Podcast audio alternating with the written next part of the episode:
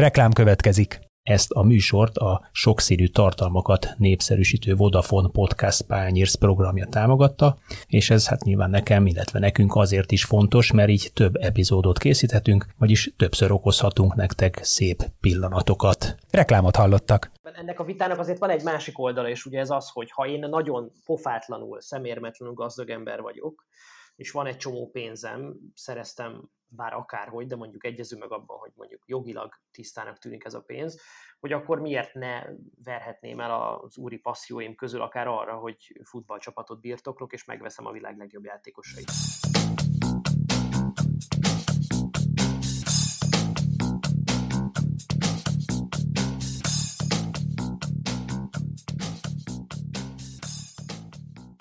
Sziasztok, ez itt az Ittszer, a 24.hu focis podcastja. Én Kele János vagyok, és köszöntöm itt magam mellett 77. alkalommal, ha jól számolom, Kálnokik és Attilát, a 24.hu főmunkatársát. Szervusz! Szia Jani, köszöntöm én is a hallgatókat. Lehet, hogy kicsit füllentettem, mert nem minden egyes adásban ültünk egymás mellett, vagy vettünk részt mind a ketten, bár szerintem kevés szabadság, volt. Így van, így van, volt szabadság is meg. De azért szerintem kevesebb az az adásról nem, nem voltunk együtt.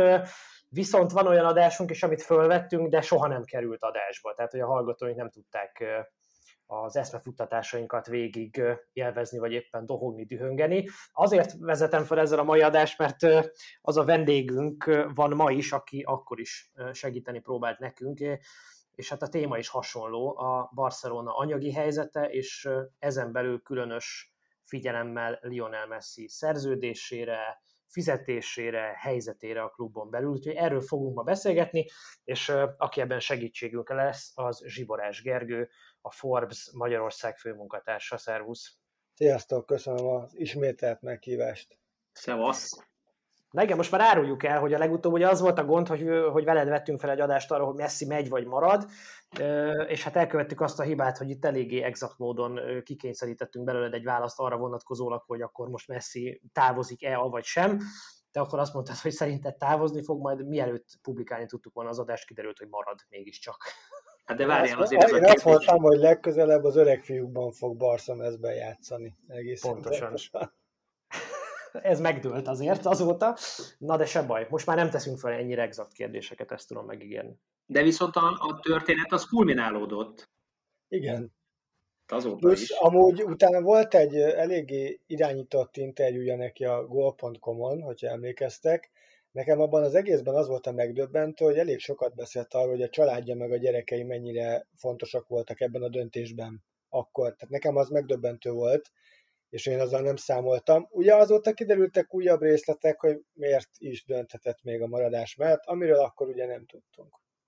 Így van, és akkor beszéljünk is erről, hogy gyorsan elmondanám a felütést. Ugye a, nagyjából az volt az elmúlt néhány hét egyik legnagyobb vihart kiváltó híre, ilyen szalagcímekkel, hogy az egész világ lehidal a Lionel Messi szerződésében szereplő összegektől, hiszen kiszivárgott az a szerződés, amelyet 2017 novemberében kötött a klubbal Lionel Messi, ez az El Mundo Deportivo című lap volt az, amelyik ezt kiszivárogtatta, ők azt állítják, hogy 100%-ig biztosak a dokumentum hitelességében és valódiságában, majd erről is érdekel egyébként a véleményed, Gergő.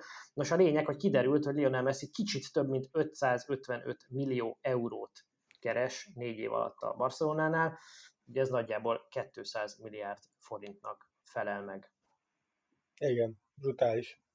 Én azon gondolkodom itt már napok óta, hogy, hogy ugye rendszeresen szoktunk azzal érvelni, hogy, hogy igen, de a, a fizetéseket ugye ezekben a, a professzionális bajnokságokban mégiscsak a piac termeli ki, tehát abszolút piaci alapú, stb. stb., hogy, hogy létezik-e olyan sportpiac Európában, amerikairól szándékosan nem beszélek, amelyik amelyik ilyen csillagászati összegű fizetést valós piaci alapon ki tud termelni?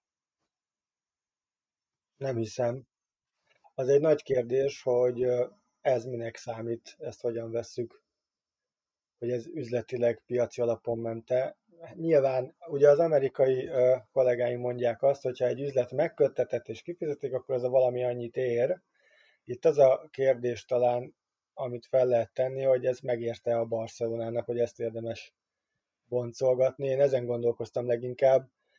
Én megnéztem a szerződésről szóló cikket, és hát egészen megdöbbentő, hogy, hogy mennyi mindenben engedtek a messzinek. Tehát, hogy úgy tűnik ez a szerződés, hogy gyakorlatilag bármit mondott, arra ráborintottak. Bármilyen összeget mondott, ráborintottak. Ez az igazán megdöbbentő szerintem ebben a, a szerződésben. A, az összegek persze azok is, de az, hogy, hogy mennyire alacsonyak voltak például a bónusz kritériumok, az, az szerintem példátlan. Picit beszéljünk szerintem arról, amit az interpretáció szempontjából fontos volt. Azért születtek itt olyan véleménycikkek, és akár a magyar sajtóban is egyébként, a nemzetköziben aztán főleg, amelyek arról beszéltek, vagy azt hozták ki konklúzióként az eszmefuttatás végén, hogy lényegében ez a típusú messzi szerződés, ez a messzinek való mindenben engedés és mindenféle pénzügyi észszerűséget, előre gondolkodás nélkülöző hozzáállás juttatta a Barcelonát mára odáig, hogy lényegében a csőd szélén egyensúlyoz, főleg egy ilyen világgazdasági helyzetben, mint ami, ami ma van, ahol ugye a koronavírus járvány nyomában járó recesszió azért elég jelentősen érezheti a hatását a, a futball üzletágban is én azért ezt megmondom őszintén barokkos túlzásnak érzem, tehát bár most a Messi szerződésről beszélgetünk, de hát itt Coutinho meg Griezmann féle szerződések is voltak, most nem beszélve egyéb más játékosokról, tehát viszonylag vastagon fogott a Barcelona ceruzája más játékosokkal kapcsolatban is, olyan játékosokkal kapcsolatban is, akik a töredékét nem tették hozzá a pályán a klub teljesítményéhez, mint Messi. Ezzel együtt te mit gondolsz erről a kérdésről, Gergő? Ugye a rövid távú adósságuk, ami most nagy fejfájást okoz nekik, a, annak csak egy része az, amivel amúgy a, a Messi-nek is még lógnak. Itt nagyon sok egyéb tétel is van. Alapvetően a, a fizetéseket nagyon felnyomták az elmúlt években, nem csak Messiét, aránytalanul magasra felnyomták a Messiét, és nagyon sokban engedtek neki, de az egész klubkultúra változott meg. Erről azt hiszem, hogy beszéltünk a múltkor is, hogy amikor én tíz éve voltam a stadionban, akkor büszkén mutatták az öltözőt is, hogy mennyire puritán más sztárklubok öltözőihez képest, és az idegenvezető büszkén mondta azt, hogy de nem fizetésért jönnek a játékosok, ez ma már nem igaz. És ez párosult azzal, hogy mindenfajta projektszemlélet vagy vízió nélkül vezették ezt a klubot, Bartomeu elnökre gondolok főleg, mert ha megnézzük azt, hogy kiket vettek például abból a pénzből, amit Neymarért vettek, hát abból azért senki nem tett hozzá semmit. Tehát annak fényében mondjuk még Messi meg is érdemelte ezt a pénzt, mert ő legalább csinált valamit az elmúlt években, de nagyon nem működött a játékos politika, nem volt projekt, ami mellé embereket tudtak volna odarakni, és nagyon gyorsan elpárolgott az a szürke állomány a menedzsmentből, ami megvolt. Miközben amúgy a menedzsment költségek szintén nagyon magasak a Barcelonánál. Tehát, hogyha a legutóbbi pénzügyi kimutatást megnézitek, akkor a két legnagyobb oszlop a kiadásoknál azok a, azok a sportolói fizetések és a menedzsment kiadások. Úgyhogy azt hiszem, hogy elszakadt azoktól az alapoktól a, a klub, ahonnan indult, és amivel sikeres tudott lenni. És a koronavírus csak felszíne hozta nagyon gyorsan ezt a problémát. Én azt gondolom, hogy ha nem lett volna ez az egész, akkor ez lehet, hogy két-három év múlva bukik ki. De itt van egy, lett egy olyan ö, pénzügyi kultúra a klubban belül, hogy hát ez a piac ez úgyis nő, ö, maximum majd eladjuk a stadionnak a névhasználati jogát, ö, ugye a mezekre is van már szponzor, ez korábban nagyon sok ideig, évtizedeken keresztül őrizték, hogy ne legyen, szóval mindenre az volt a válasz, hogy ez egy olyan brutális üzletág ez a futball nevű, hogy majd akkor szponzorból bejön majd ez a pénz, hogyha elszórtunk ide-oda két-háromszáz milliót, és hát gondolom, hogy ez az, az öltözőben, hogyha nem is lehettek tudatában annak, hogy a Messi pontosan mennyit keres, azért szerintem érezte mindenki, hogy egy másik bolygó az, amit ő fizetésben képviselhet, és ez meg megteremti azt a kultúrát, hogy bárki, aki a Barcelonába ment, vagy ott kiemelkedik, az majd úgy fog odaállni, hogy na, hát akkor fogjon még erősebben az a ceruza. Mert egyszer egy játékossal már ezt meg tudtátok csinálni. Na de azt, azt azért ne felejtsük el, hogy ugye szóba került Neymar 2017-ben, ha jól emlékszem, 222 millió eurós bevétel volt Neymarból. ugye Barcelonában, ami azért szintén egy, egy tetemes összeg. És egy ilyen, ilyen bevétel után költekezett úgy ki továbbra is a klub, hogyha ha igazak az információk, és létszeres ezt erősíts vagy száfold, hogy ugye a játékos bérezés az UEFA ajánlással szemben, ami körülbelül a 50-50, 85%-át viszi el a klub költségvetésének, ami egészen brutális számnak tűnik számomra. És ebben, ebben benne van mindaz, amit mondtál, hogy, hogy ebből a 222 millióból milyen játékosokat vettek, vagy másképp mire költötték el ezt a 222 millió eurót, ami egyébként szolgálhatott volna arra is, hogy az évek óta gyűrűs, gyűrűz, gyűrűző adósság spirált esetleg rendbe tegyék, de ők, ők, ők nem rendbe tenni akarták ebből, hanem előrefele menekültek, úgy látom. Hát igen, tehát hogy mintha nem számított volna, hogy mi lesz holnap, mert, mert tényleg ez volt szerintem az alapmentalitás, hogy ó, hát akkor még bemegyünk még egy ázsiai piacra, vagy, vagy nyomtatunk még nem tudom x meszt a, a stadionba, és akkor majd beengedünk még több turistát, vagy nem tudom, szóval, hogy így, és tényleg úgy tűnt amúgy a pandémia előtt, hogy ez a, ez a biznisz iszonyatosan tovább fog növekedni. Ami érdekes, a tágabb kontextus miatt ez a Neymar ügylet, ugye ez, ez elindított egy inflációt a, a játékos piacon, tehát akkor hirtelen beugrottak a, a játékos árazások, egyszerűen azért, mert mindenki tudta, hogy a Barszának van pénze, akitől a Barca vett, arról mindenki más tudta, hogy neki is van, és akkor szépen úgy megnyomta az árakat, ami nem volt szerintem akkor reális. Ez az egyik. A másik, hogy miért történt ez? Azért, mert a, az UEFA a saját pénzügyi fair play szabályait nem veszi komolyan. Tehát amikor azt mondjuk, hogy ú, mennyit költenek a klubok, akkor tán arra is figyelni kéne, hogy a piacot amúgy szabályozó nemzetközi szövetség igenis figyeljen oda arra, hogy piaci folyamatok eredményeképp létrejövő pénzösszeget költsenek el a futballban. Tehát ne legyenek túlárazott reklámszerződések, amin keresztül ki lehet fizetni játékosokat, mint mondjuk a Manchester City csinálta ugye ezt, amit hát egy nagyon komolyan vehetetlen tárgyaláson azt mondták, hogy jó, hát ez még nem bizonyított, félrenéztek, és, és engedték a City-t. De ugyanez, tehát azért ezt problémának tartom, hogy ha egy, egy olajmonária uralkodója, egy, egy klub tulajdonosa, akkor zsebből ne kölcsönözze már meg a, a saját kivásárlási árát egy játékosnak, tehát ezt nem szabadna engedni. Itt, itt jön be az, hogy elszakadnak ezek a pénzek a realitástól, és amikor a klubok rákényszerülnek arra, hogy ezen a piacon vegyenek, adjanak, akkor ugye a piaci folyamatoktól elszakadt árazásokat, árazások mentén kell tranzaktálniuk, és akkor ott lesz a baj, hogy hát igen, de miből, ha nem jön be a másik oldalon ugyanaz a pénz, és ez bármikor megtörténhet, tehát ez, ez nem kell ehhez koronavírus válság, elég egy gyengébb év, úgyhogy igen, ez, ez egy probléma. Tehát én rendszer szinten is látom a problémát amúgy, és nem csak a Barcelonánál. És ugye főleg azért nagyon érdekes az, amit mondasz szerintem, mert ugye a Barcelona ebben a jelenlegi versenyrendszerben arra van kényszerítve, vagy kényszerülve, hogy olyan klubokkal harcoljon a pályán, és nyilván a pályán kívül is az üzleti életben, mondjuk a szponzorokért, amelyeknek lényegében nincs ugye olyasféle költségvetési korlátjuk, mint amilyen a Barcelonának kellene, hogy legyen akkor, hogyha mondjuk piaci racionalitás alapján kötötték volna meg ezeket az általad is említett játékos szerződéseket, vagy a fizetéseket ezt szerint határozták volna meg. Arra akarok itt kiukadni, hogy, hogy van-e olyan erős az a piaci pozíció a Barcelona mellett mögött, vagy egyáltalán spanyol futball mögött, ami lehetővé teszi nekik ezt a típusú versenyfutást olyan klubokkal, ahol nincs lényegében költségvetési korlát. Egyetlen egy példát mondok, szokták mondani, hogy a 21. század futballja,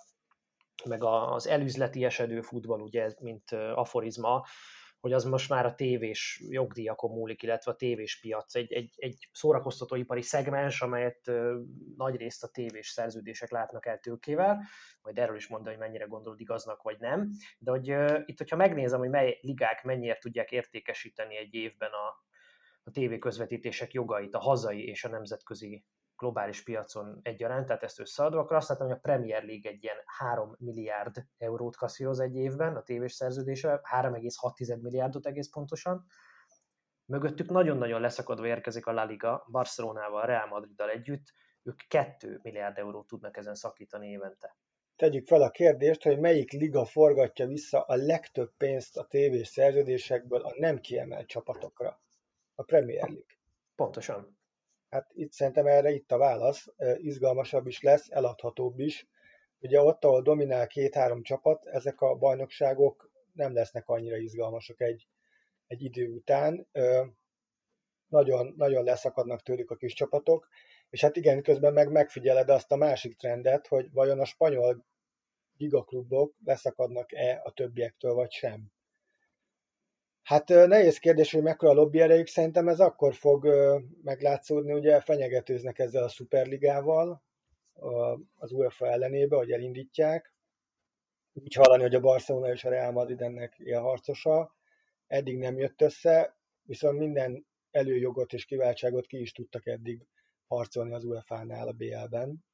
Itt kezdve attól, hogy a négy első helyezett legyen bebetonozva, pénzek legyenek úgy elosztva. Szerintem e, ebben a harcban fogjuk látni, hogy mekkora lobby erejük. Kiválthatja-e ez a, ez a kiszivárgott szerződés a Barcelonának az anyagi csődje, ugye, hogy januárban, ha minden igaz, már valamilyen 68 millió euróval tartozik például Messinek, vagy nem ki nem fizetett, és további játékosoknak is tartoznak természetesen azt a fajta pénzügyi kontrollt, amilyet például az amerikai sportokban látunk. Elképzelhetőnek tartjátok-e, hogy ebben az erősen emocionális, teljes mértékben nemzetközi sportágban bevezethet-e mondjuk egy UEFA, egy kontinentális szövetséget, szövetség, vagy a FIFA fizetési sapkát? Ez és azt mondja, ez teljességében el, ellenmond az EU-s szabályozásnak. Tehát ez nem Igen, azért... ezért kérdezem, hogy, hogy, hogy ott Amerikában mégis működik, és mégis vannak horror fizetések másképp megoldva, és valóban ö, reklám és, és egyéb pénzekből kifizetve, de ellenőrizett, ellenőrizett módon mégsem dől össze a játékosok fizetésétől az egyesület, vagyis a klub mert ott nem egyesületek vannak, ugye.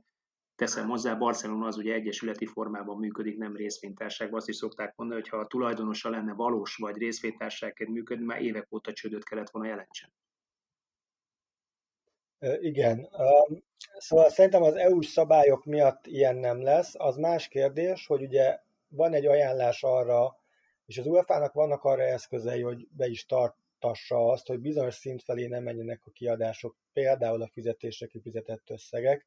Ez sokkal keményebben be kéne tartatni, és nem, nem feltétlen az arányt, hanem azt, hogy csak olyan pénzből lehessen kifizetni fizetést, ami mögött valós gazdasági teljesítmény áll.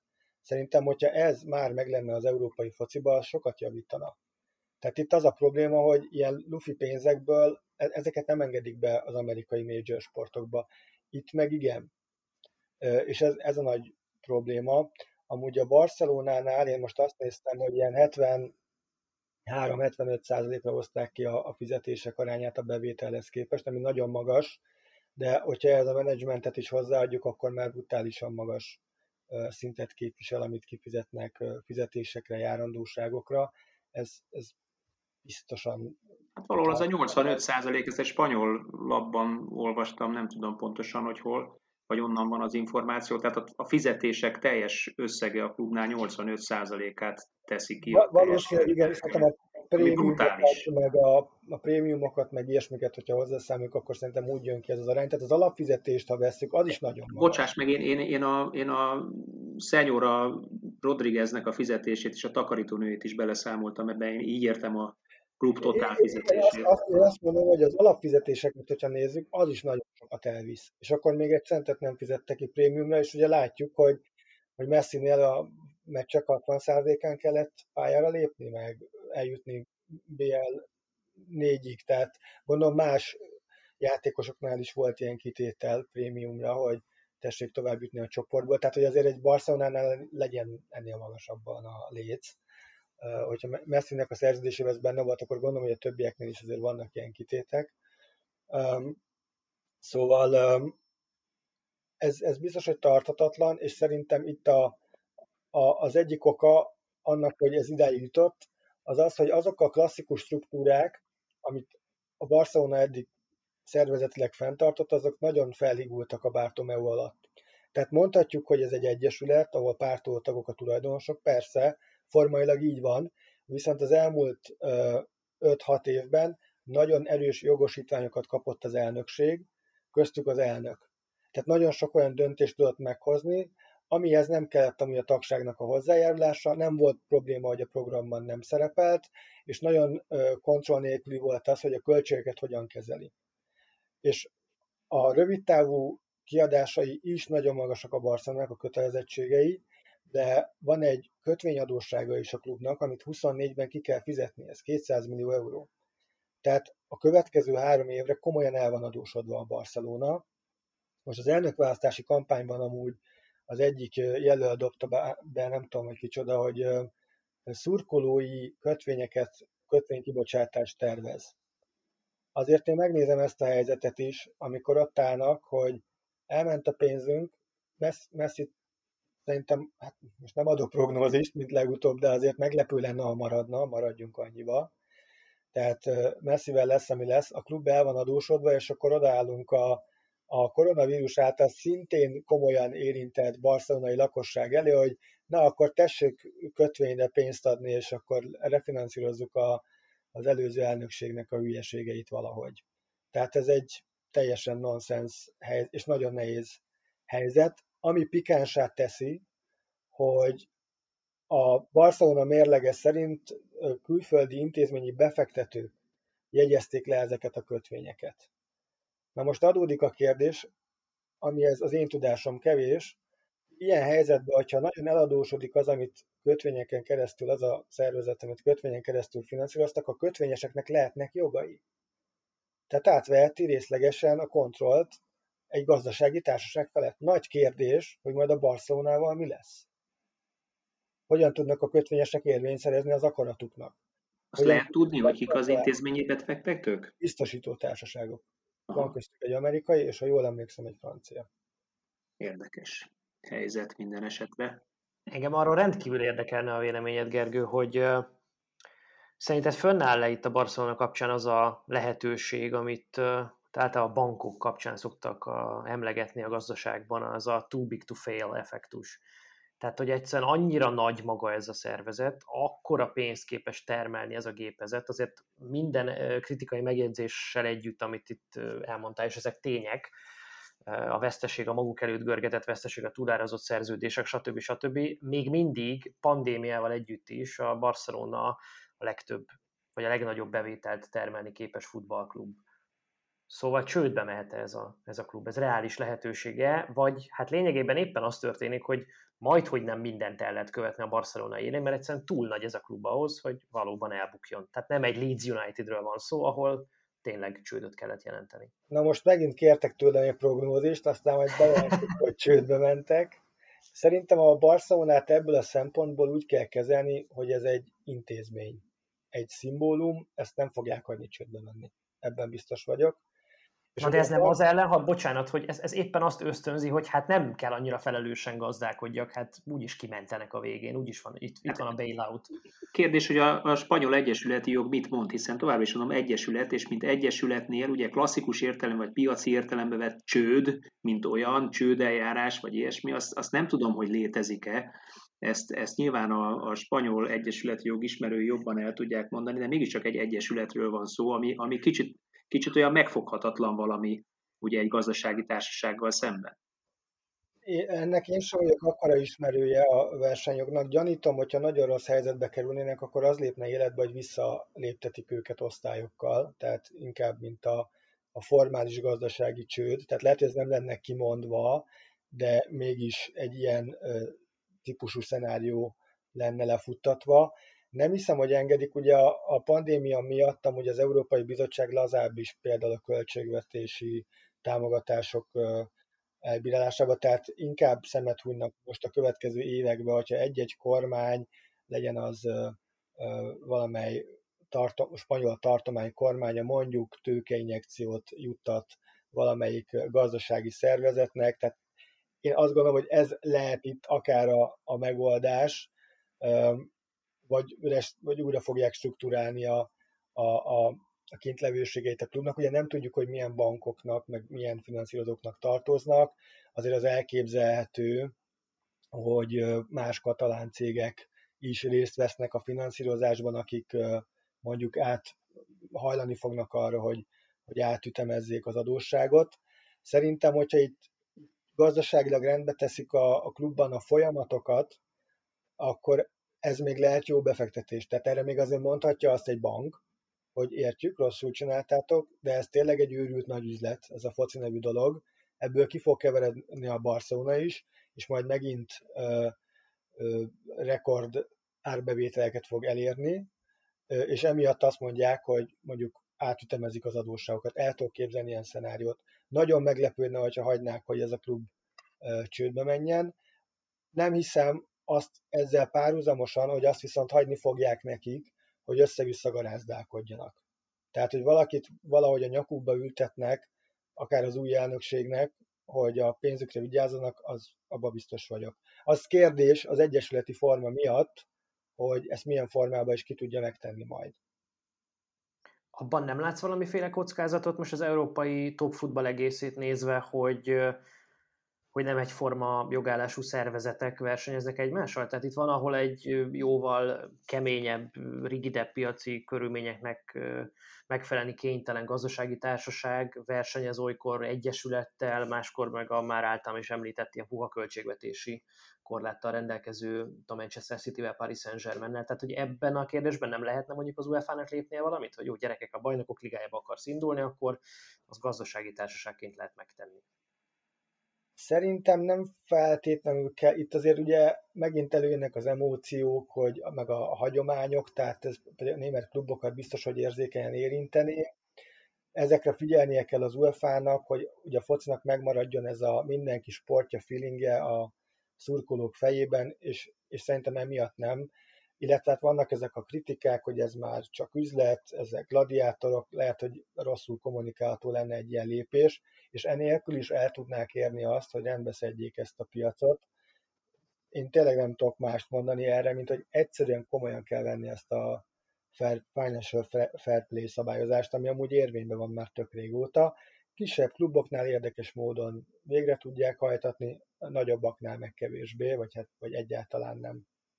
Na de ez nem, nem egy ilyen naív álom olyankor, amikor a Nasser El Khelaifi ül benne az UEFA végrehajtó bizottságában, aki ugye a Paris Saint-Germainnél képviseli a, a, a tulajdonosnak a jogait, tehát hogy, hogy nem, nem naív ez, hogy elvárjuk az UEFA-tól, hogy meg, megbüntesse azokat, akik nem tudom, a pénzt hozzák nekik? De. Tehát, hogy ebben ennek a vitának azért van egy másik oldala, és ugye ez az, hogy ha én nagyon pofátlanul, szemérmetlenül gazdag ember vagyok, és van egy csomó pénzem, szereztem bár akárhogy, de mondjuk egyezünk meg abban, hogy mondjuk jogilag tisztának tűnik ez a pénz, hogy akkor miért ne verhetném el az úri passzióim közül akár arra, hogy futballcsapatot birtoklok, és megveszem a világ legjobb játékosait. Ez, ha legálisan szerzett, tök rendben van. Ugye például, ami a Manchester City-nél történt, ugye az, az hogy az e- bizonyos e-mailek kiszivárogtak, amikből kiderült, hogy, hogy pontosan tudták, hogy egy-egy reklámszerződés értéke mennyi, és a felett fizették, hogy ki tudják finanszírozni a, a klubot, mert túl sokat költött játékosokra. Tehát az ilyen eseteket nagyon nem kéne hagyni például. Ez kiderült, és nem büntették meg a Manchester City-t, ha jól emlékszem. Nagyon jól emlékszel, nem büntették meg, nagyon, nagyon kevés volt a bizonyíték, hogy ott volt a, a levelezés erről. Nem akarok naív lenni én sem. Én azt gondolom, hogy a pandémia egyik hozadéka lehet az, hogy azt mondja az UEFA, hogy ezt komolyan kell venni. Tehát az mégsem működhet, hogy itt marad mondjuk 5-10 klub, a nagy hagyományos, mondjuk ügyesebben gazdálkodó klubok, meg a, a frissen feltőkésített versenytársak, és akkor majd mit fognak csinálni?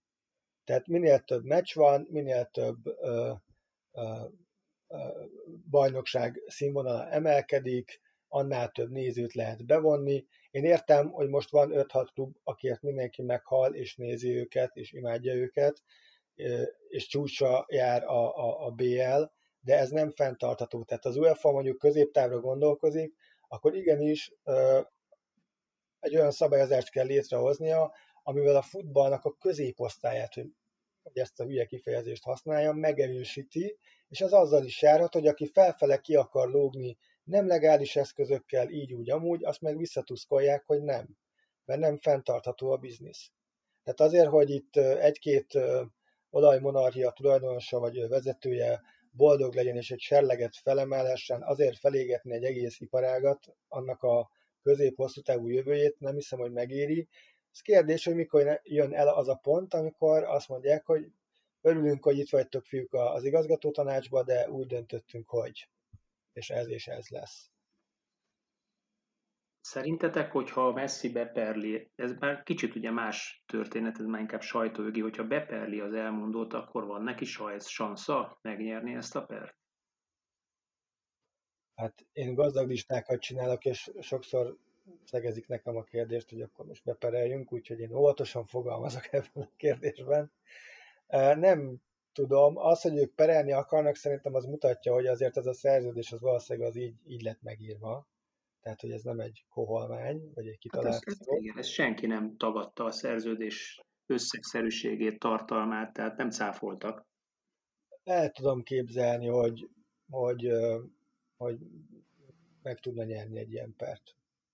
Amúgy a spanyol, a Spanyolországban, igen.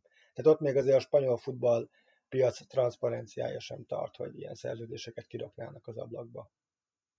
Igen, az egy eleve jó kérdés, hogy, hogy kellene vagy lehetne transzparensebb a, a futball ebből a szempontból. Ugye itt magyar oldalról sokat beszélünk arról, de hát az egy picit másik történet.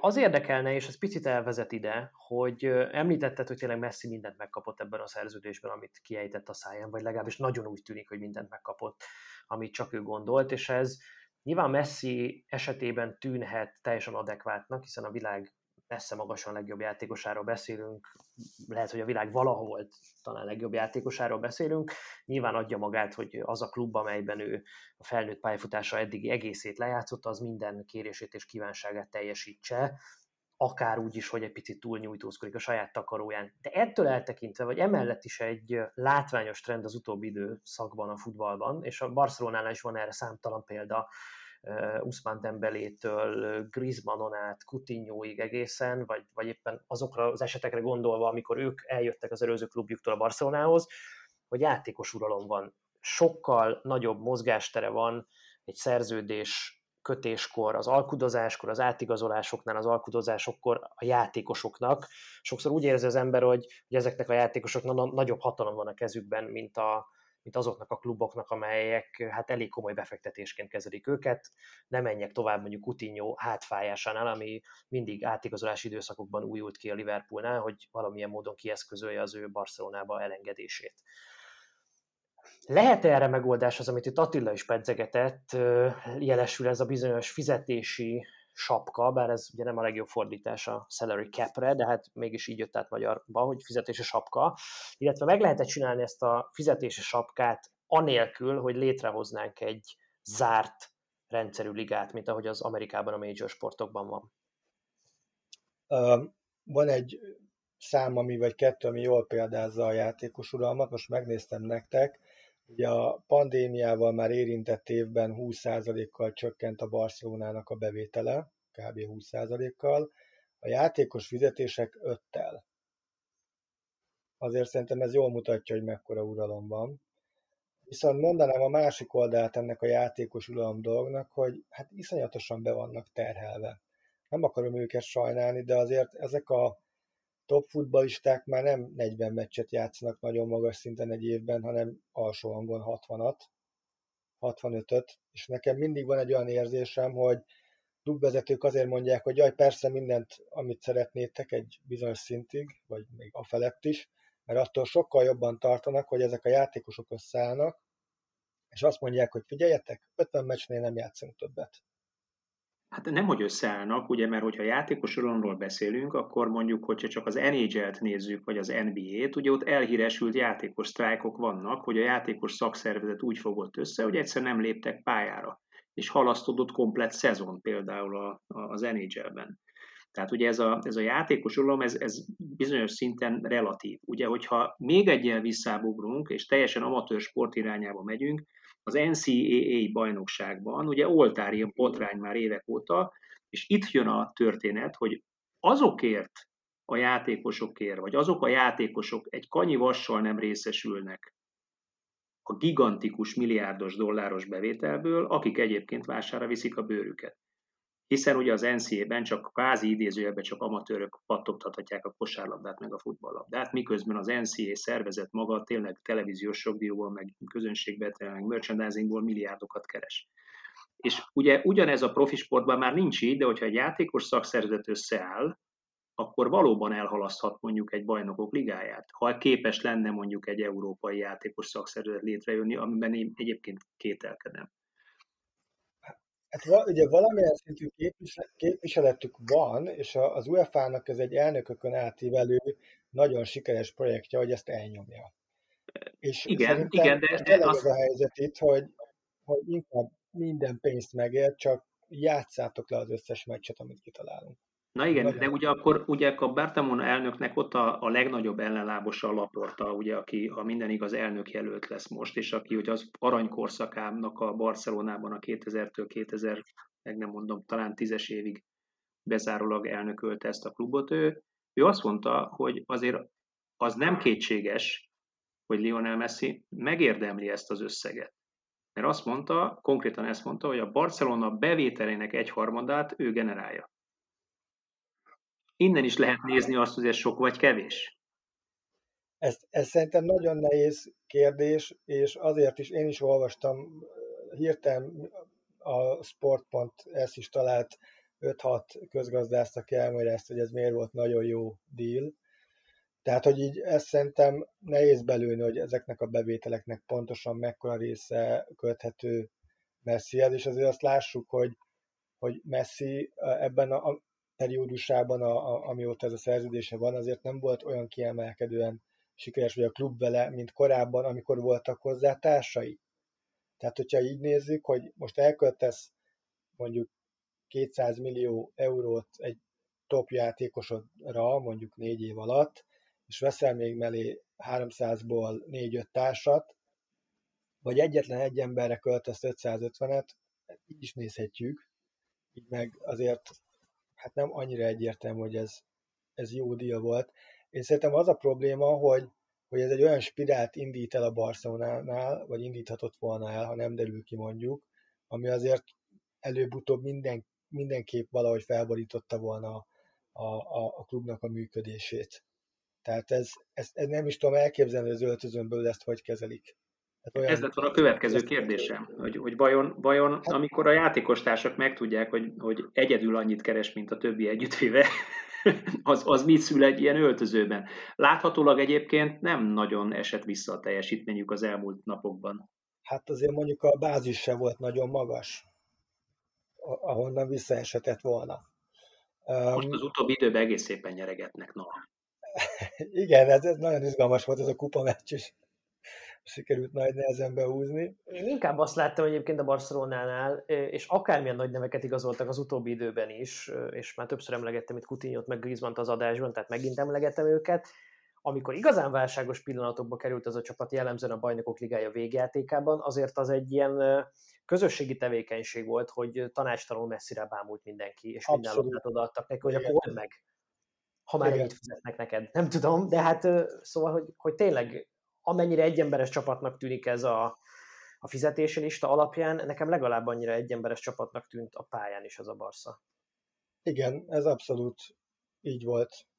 Ezzel de, ez, de ez edzőkérdés is, most elkanyarodok egy picikét megint a kosárlabdához, ugye Michael Jordannél is, amikor ugye egyedül akart 62 pontot dobni, akkor, akkor nem nyert. Aztán jött egy edző, aki azt mondta, hogy figyelj, van itt egy Scotty Pippen, van itt még melletted néhány játékos, mindegyiknek találjuk meg a helyét, és hidd el, hogyha néha kipasszolod és csak 42 dobsz, akkor viszont biztosabban nyerünk. És ugye utána lettek egyébként bajnokok, hatszoros bajnokok.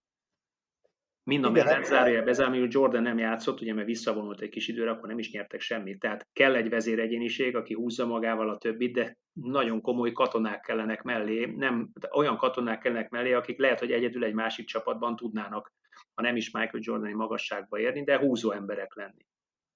Hát ez a probléma amúgy szerintem a Barcelonánál, hogy van egy nagyon jól fizetett vezér, meg néhány zsoldos. De az attól még nem lesz egy világverő csapat. Hol van a Barcelona Scotty Pipenje például? Aki mellette eljátszadozgat? Mert ugye a Suárez kivették onnan, Nincs. Neymar kivették onnan. Nincs. És amúgy akiket említettetek nagyobb nevek, hogy akiket leigazoltak, az, azokat azért tudták ezek a, emiatt, tehát a, ilyen pénzekért elhozni, mert, mert ez a Neymar deal elindította ezt a hullámot. És akkor jöttek ezek a 100 milliós igazolások ész nélkül.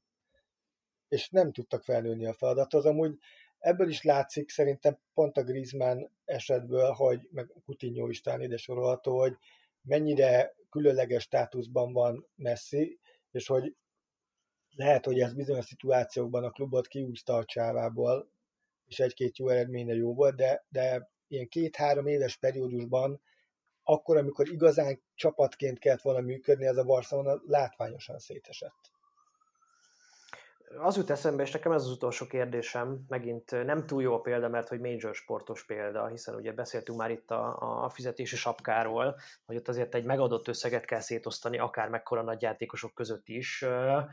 De eszembe jut Tom Brady, aki ugye hamarosan, pont ezen a hétvégén ugye pályafutás a tizedik Super fogja játszani, ugye 19 szezonban volt ő kezdő irányító az aktuális csapatában, tehát a lejátszott NFL szezonjának több mint a felében Super Bowl-t ez egy egészen megdöbbentő és irális statisztika, de hát őróla meg köztudott az, hogy ő folyamatosan az értékénél kisebb szerződésem volt a fizetési sapkán belül, nyilván aztán sokszorosát megkereste reklámokból, meg hasonló dolgokból, de hogy mindig hajlandó volt lemondani egy komoly részéről a fizetésének annak az érdekében, hogy megfelelő csapatot és társakat tudjon kreálni, vagy megszerezni mellé a vezetőség. Tehát legyen pénz elkapóra, legyen pénz falemberre, legyen pénz futóra, tight endre, stb. És hát ennek köszönhető az, hogy mindig nagyon-nagyon sikeres csapatokban játszhatott, hiszen közösségben gondolkodott, és ez a szerződési tárgyaláson is meglátszott. Messzitől ezt, és főleg úgy érdekes ez a kérdés, hogy ha szabadon igazolható játékos lesz a jelenlegi tudásunk alapján, tehát ugye ilyenkor ez hagyományosan azt jelenti, hogy a fizetésben aztán még jobban alkudozhat a játékos, hiszen átigazolási díjat nem kell fizetni érte, tehát még vastagabban foghat a ceruza a fogadóklubnál a fizetést, meg az aláírási pénzt illetően. Szóval, hogy Messi-től ezt nem lehetne esetleg elvárni, hogy, hogy ebben a kérdésben belátóbb legyen, és kevesebbet terheljen a, a csapatára, a klubjára anyagilag? Hát ez szerintem naivitás.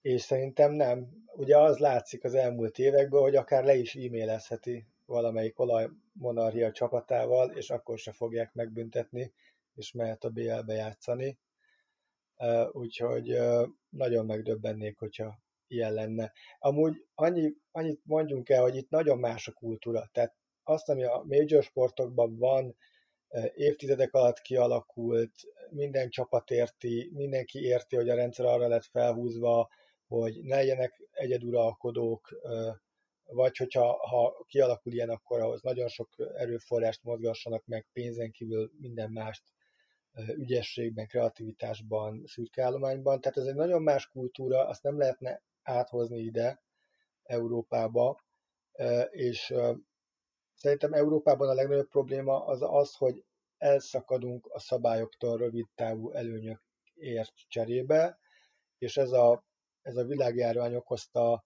leállás, ez nagyon megmutatta, hogy ez, a, ez a, az egész mennyire repedezik ez a struktúra.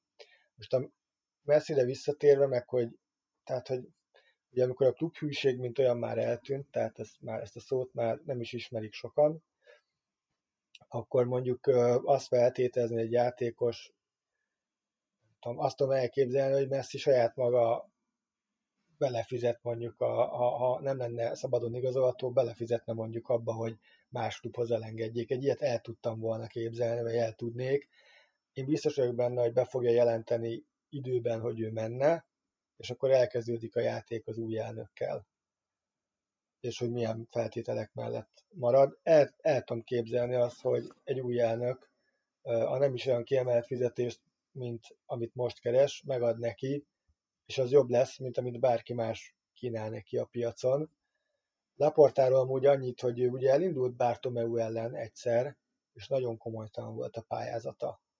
Tehát ez jól hangzik kívülről, hogy a sikerkovács visszajön. Én nagyon félek attól, hogy ő rossz, rosszabb irányba viszi ezt a klubot. Amúgy. Tehát én nem vagyok benne biztos, hogy ő lesz a megoldás. Egy nagyon nem népszerű technokratának kéne most átvennie ezt a klubot három-négy évig, és rendbe hozni. Nincs ilyen nagyon most a színen. Úgyhogy lehet, hogy az lesz, amit ti is pedzegettetek, hogy a klub úgy van vele, hogy nemzeti intézményként úgy is megmentik. Pláne most.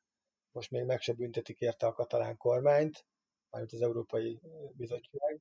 Ugye korábban volt, hogy a Barcelonát vizsgálta az EB ilyen bújtatott támogatások miatt, most biztos nem lesz ilyen, úgyhogy lehet, hogy így ki fogják bekelni ezt a helyzetet.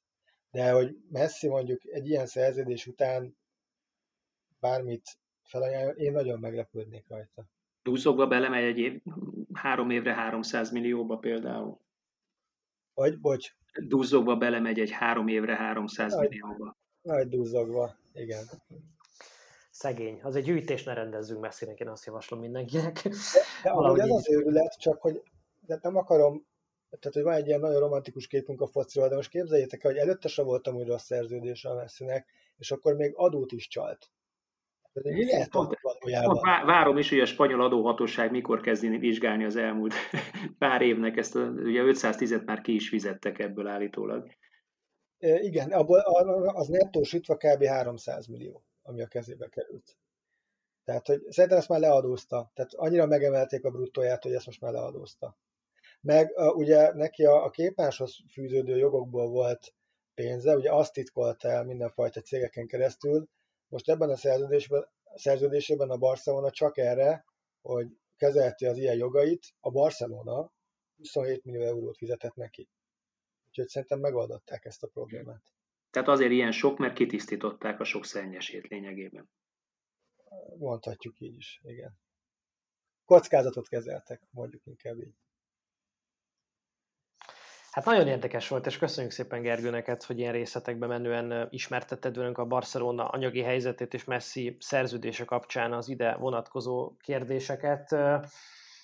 Bízom abban, hogy a hallgatóink is egyrészt tanultak ebből az adásból, tehát kellően informatívak voltunk, másrészt pedig hát legalább annyi kérdésük merült fel az elhangzottak fényében, vagy merül fel az elhangzottak fényében, mint amennyi ezt megelőzően volt. Tényleg hálásan köszönöm, hogy itt voltál nekünk, és, vagy itt voltál velünk, és elfogadtad a, a meghívásunkat. Köszönöm szépen. Annyit megreszkíroznék, hogy azzal fejezem be, hogy szerintem elég az a nyáron. Szerintem Nagy kockázat. Németek, nagyon gyorsan kell vágni az adást, hogy nehogy még egyszer ugyanabban a hibába essünk. Igazából csak motivállak. Helyes, helyes, nekiállok dolgozni, csak még elköszönök a hallgatóktól, és megköszönöm nekik a figyelmet, és arra biztatom őket, hogy tartsanak majd velünk a jövő héten, és amikor egy új témával és egy új vendéggel érkezünk. Sziasztok! Sziasztok!